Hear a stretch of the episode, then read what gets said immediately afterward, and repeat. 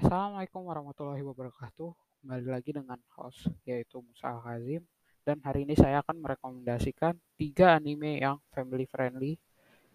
Nomor tiga adalah Pokemon. Pokemon menceritakan tentang Ash Ketchum atau Red yang menjadi sebuah Pokemon trainer. Pokemon adalah makhluk yang memiliki kekuatan unik masing-masing yang beda satu sama lain.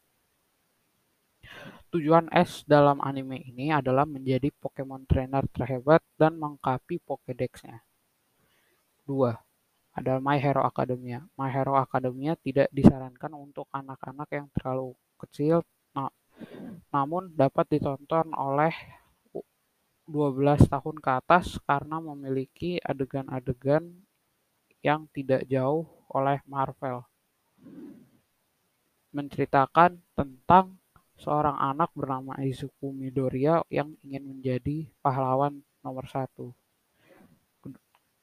Nomor satu adalah Doraemon. Doraemon merupakan sebuah anime legendaris yang ditonton banyak anak kecil saat saat memiliki waktu luang di pagi hari biasanya.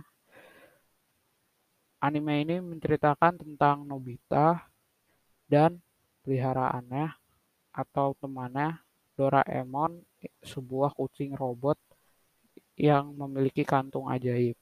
Kantung ajaib tersebut dapat mengeluarkan barang-barang yang yang ajaib dari masa depan yang dapat membantu kesehariannya Nobita. Terima kasih telah mendengarkan. Wassalamualaikum warahmatullahi wabarakatuh.